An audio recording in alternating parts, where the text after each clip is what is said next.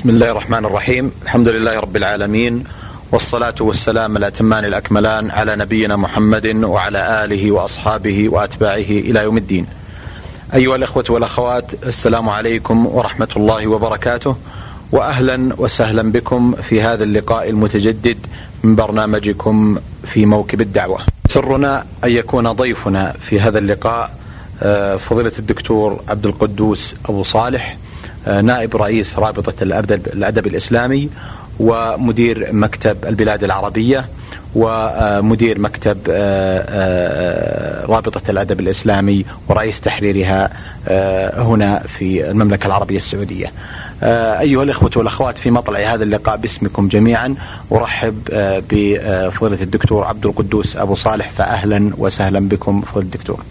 شكرا لك يا أخي. أنا رئيس تحرير مجلة الأدب الإسلامي. آه، دكتور الحقيقة في مطلع هذا اللقاء بودنا آه، أن نتعرف على آه، البدايات الأولى لكم.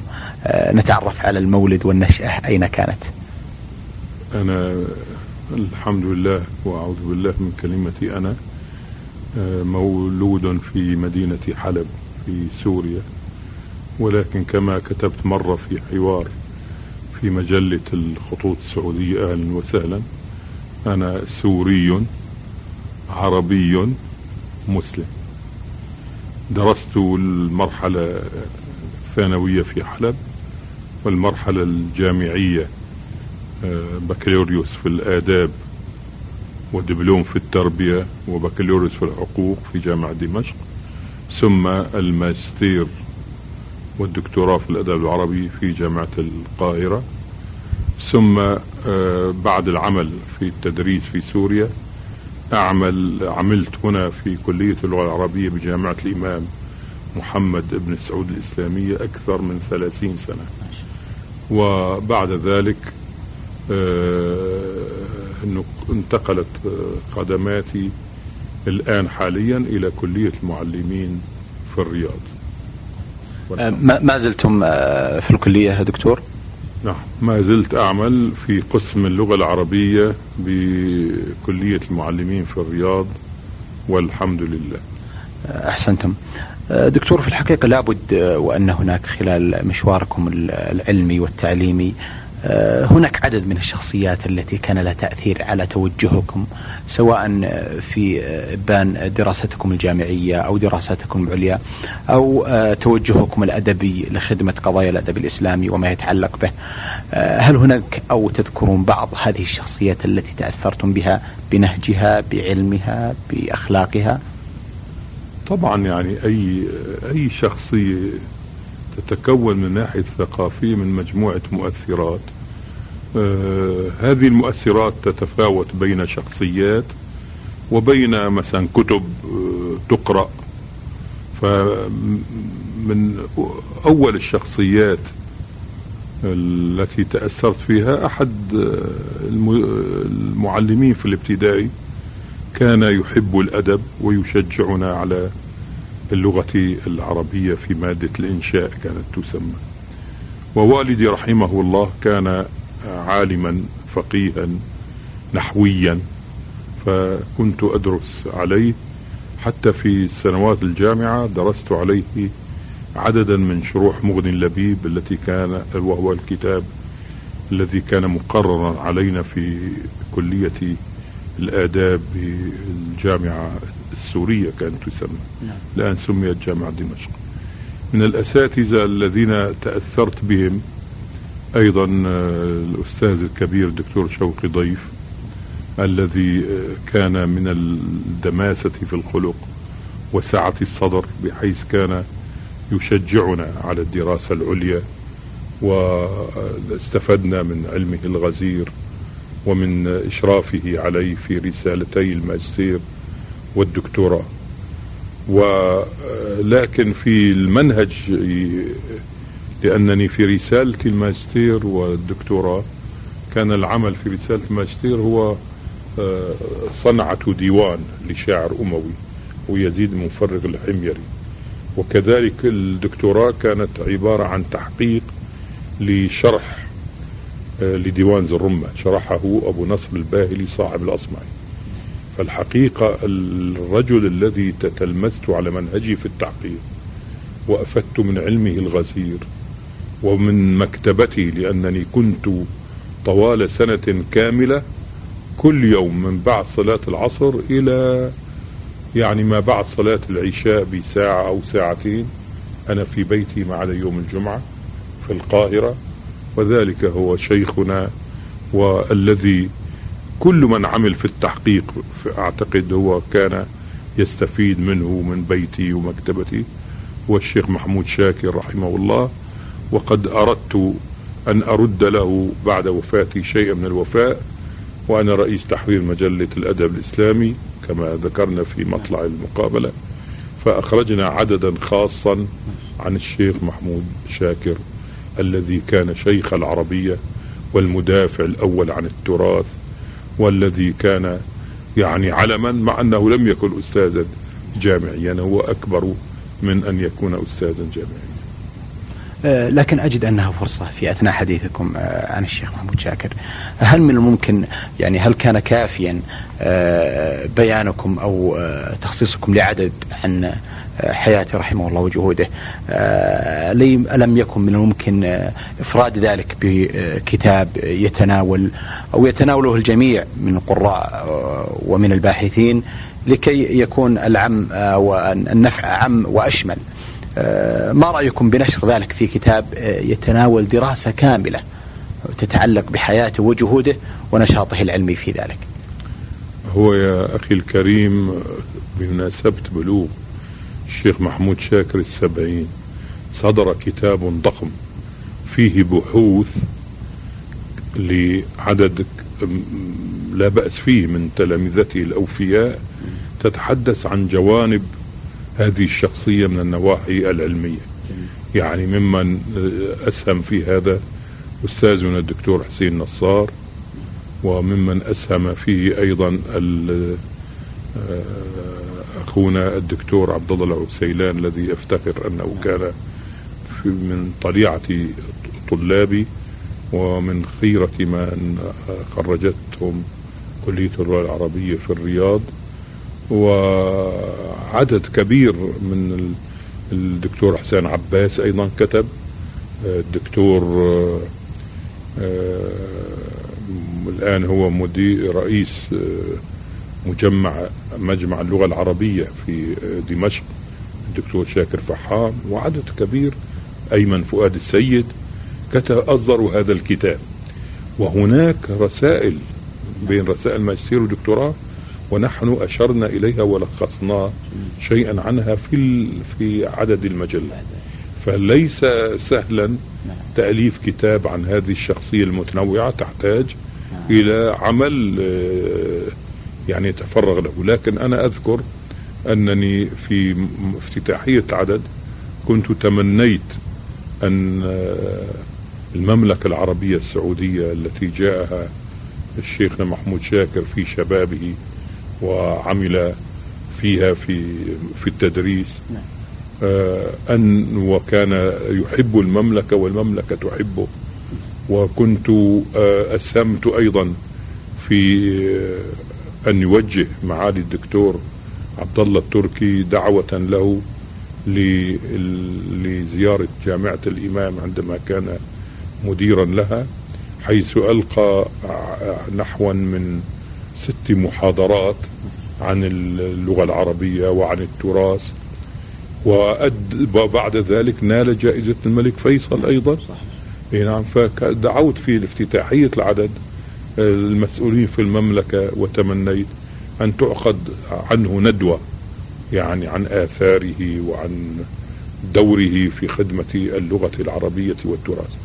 أما تأليف كتاب عنه فهو يتجاوز يعني جهود مجلة أن المجلة كما تعلم هي عبارة عن بحوث ومقالات وقصائد كما أننا جمعنا في هذا العدد الخاص عن جمعنا ما كتب آه، عن القصيدة التي هي ملحمة نعم. عنوانها القوس العذراء وتصور أن الدكتور شاكر فحاب نعم. يطلب من دمشق يعني يطلب أن يحصل على هذا العدد لأن العدد صار الحقيقة عددا توثيقيا عن الشيخ محمود شاكر وآثاره وحياته وطبعا أخذنا من الكتاب الذي آه، أعد ونشر بمناسبة بلوغ سبعين أخذنا ترجمته وأخذنا عناوين الكتب آه، والبحوث التي نشرها هذا الرجل رحمه الله. أحسنتم وشكر الله لكم هذه الوقفة التي تعد وقفة وفاء غير مستغربة منكم ومن أمثالكم. يا سيدي القضية ليست يعني آه، قضية وفاء. الرجل كان يخدم طلاب العلم بيته يا أخي أستاذ محمد بيته كان عبارة في المساء عبارة عن خلية نحل. أي طالب علم يأتي لبيته يسأله يستعين بمكتبته. ويعني شيء عجيب. ويوم الجمعة ندوة يجتمع فيها كبار الأدباء والشعراء ويعني شيء عجيب. وأنا يعني كنت أشعر أنه يعاملني معاملة الوالد لابني وقد رأيت من من من ذاكرة هذا الرجل العجيبة أشياء يعني حتى كتبت أنا كتبت في العدد الخاص كتبت الشيخ محمود شاكر كما عرفته ذكرت من ذاكرتي أشياء يسمعها الإنسان لا يصدق يعني مثلا لإطراف نعم. المستمعين نعم. نعم. مر معي في تحقيقي لديوان ذي الرمة. آه، وقد في في شرح كلمة هي القلت.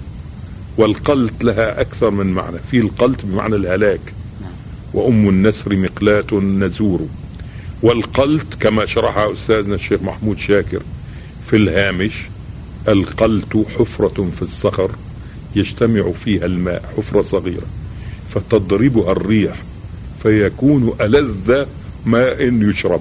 شوف هالأسلوب. فمر معي في شرح أبي نصر البايلي في التعليق على كلمة القلت قال وقيل إن المرء ومتاعه لعلى قلت إلا ما وقى الله.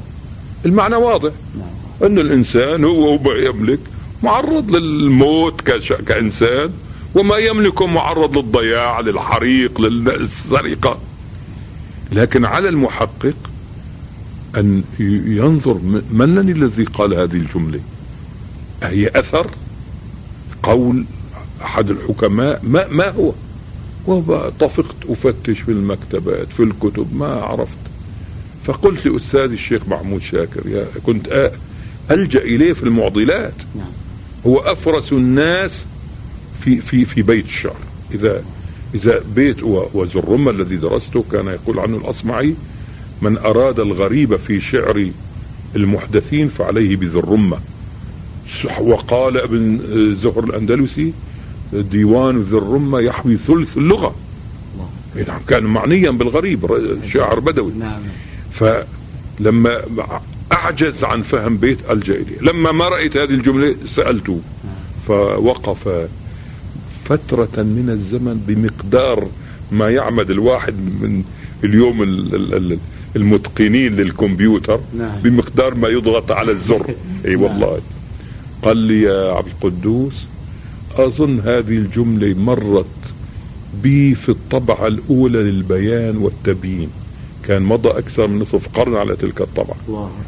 وانظر هذا عبد السلام هارون نعم. محقق البيان والتبيين في طبعته العلمية المعقرة انظر هو عنده صنع للكتاب فهرس لغة. انظر لعلك ترى. وانظر في الفهرس وإذا العبارة في ذهن أستاذي لا من خمسين سنة يحدد في أي كتاب مرت به.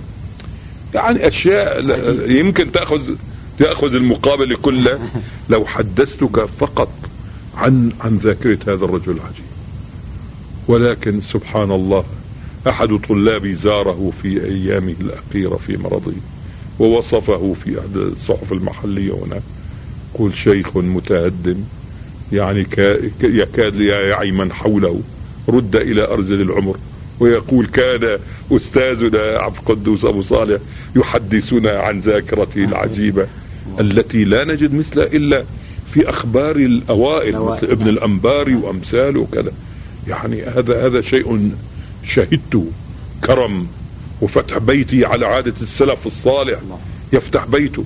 تجد الهندي والباكستاني والسعودي والتركي وال والمصري طلاب الدراسات العليا. تجدهم في بيته يعملون ولا يرد أحدا منهم ويساعدهم.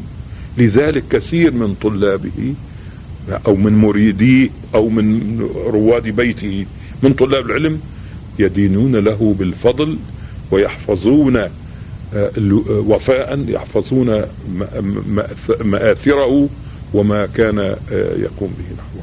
أحسنتم وأثابكم الله. آه، دكتور عبد القدوس أبو صالح نعود إلى نقطة مهمة في هذا الحديث. رابطة الأدب الإسلامي وأنتم تعملون نائبا لرئيسها ورئيسا لتحرير مجلتها. أجد أنها فرصة للتعريف بهذه الرابطة. ما الأهداف التي أنشأت من أجلها؟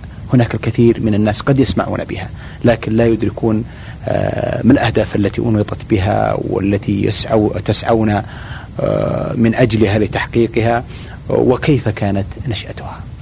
والله هذا أحب سؤال إلي. لأنني أزعم أني وقفت حياتي من أجل هذه الرابطة أملا بثواب الله عز وجل. والذي يعمل في هذه الرابطة يعني يدفع ولا يأخذ. وليس عندنا ليس عندنا يعني موظف واحد متفرغ رغم أن هذه الرابطة لها عشرة مكاتب في العالم. خمسة في البلاد العربية وخمسة في العالم الإسلامي. وأهداف هذه الرابطة الحمد لله هي أهداف إسلامية.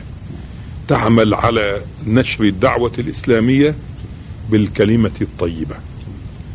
أهدافها أن توجد نظرية للأدب الإسلامي ومذهبا على الأقل للأدب الإسلامي يقف أمام النظريات الأدبية العالمية التي هي نظريات دخيلة على أمتنا العربية وعلى أمتنا الإسلامية. لا هي من تراثنا وهي في معظمها تصادم عقيدتنا وهي في معظمها لا تناسب ما يسمى بالذائقة الأدبية عندنا. فهذا أول هدف لرابطة الأدب الإسلامي إيجاد نظرية في الأدب الإسلامي على مستوى عالمي عندما نقول عندما نحن كل الأدب يعرف أنه رؤيه يا أستاذ محمد نعم. رؤيه نظر رؤيه للكون فكيف يكون هناك نظريات يضعها أناس بشر ومبنية على ما يسمى بالايديولوجيات نعم. أو المعتقدات ترجمت الايديولوجيه معنى المعتقد ولا يكون الإسلام دين الله الشامل الكامل الذي ارتضاه لخلقه إلى يوم الدين فمحمد خاتم الأنبياء صلى الله عليه وسلم. كي والإسلام ليس إيديولوجيا لكن ما يسمى المعتقد هو جزء من نظام من هذا الإسلام العظيم. فكيف لا يكون المسلمين وهم مليار وربع؟ ما يكون عندهم نظرية أدبية أو مذهب أدبي مستقن ومشتق من من دينهم الذي لو قارناه بأي فلسفة كانت سواء كانت فلسفة مثالية أو واقعية أو وضعية لا يمكن أن تقارن بعظمة الإسلام لأنه من صنع حكيم خبير. فكيف المسلمون لا يعون هذه القضية؟ وأعجب كيف بعضهم يأتي ويعارضنا. يقول ما دخل لماذا تدخلون الإسلام في الأدب؟ ما دخل الدين في الأدب؟ ونحن نقول لهم يا سيدي إذا كنتم إن شاء الله مؤمنين حقا فدونكم سورة الشعراء. فالله عز وجل هو الذي تحدث عن الشعراء وتحدث عن الشعر وقسم الشعراء إلى قسمين والشعراء يتبعهم الغاوون. ألم تر أنهم في كل واد يهيمون وأنهم يقولون ما لا يفعلون؟ هذه الفئة من الشعراء المنحرفين إلا الذين آمنوا وعملوا الصالحات وذكروا الله كثيرا وانتصروا من بعد ما ظلموا. اذا القرآن هو الذي تحدث عن هذا. تحدث عن هذا. والرسول صلى الله عليه وسلم مواقفه نعم. في في مع الشعراء. كيف نقول؟ الرسول صلى الله عليه وسلم كان سلاحه في الدعوة إلى الدين ثلاثة أسلحة. السلاح الأول الخطابة وكان أخطب الناس وأفصح الناس. أنا وهو وهو الذي قال أنا أفصح العرب. فالرسول صلى الله عليه وسلم استعمل سلاح الخطابة أولا ثم استعمل سلاح الشعر. ما بال الذين نصروا رسول الله بأسنتهم؟ لا ينصرونه بألسنتهم. ويقوم عبد الله بن رواحة فيقول عنه الرسول صلى الله عليه وسلم آه، قال وأنعم ويقول في كعب بن مالك قام آه، قال وأنعم ثم يقوم حسان فيقول أنا لها يا رسول الله. فالرسول صلى الله عليه وسلم استعمل.